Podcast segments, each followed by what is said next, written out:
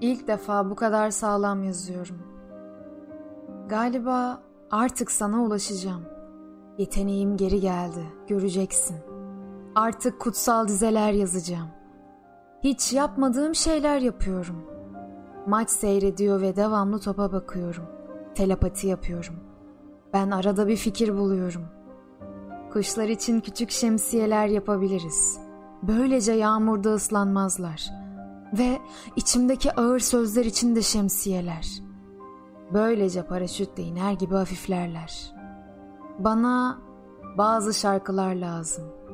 Hafif şarkılar, acı olmayan şarkılar. Çok şarkıya ihtiyacım var. Tutam tutam saçlarımı savuracak şarkılar.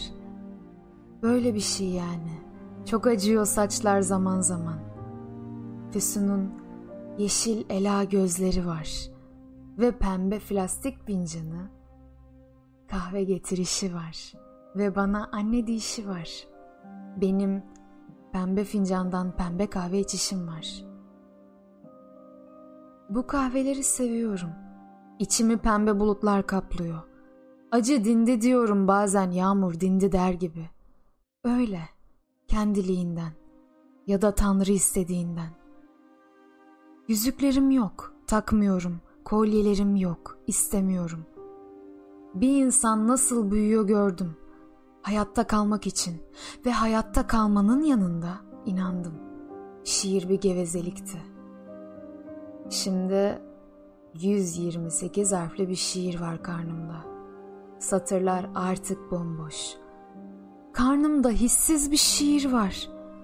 İçimde durmadan bölünen şiirler. Birlikte yok olacağımız şiirler. Birlikte unutulacağımız şiirler. Hiç borcu olmamış şiirler ve bu yüzden çok acıyan şiirler.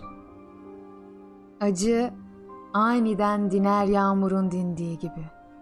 Bazen sadece Tanrı öyle istediğinden.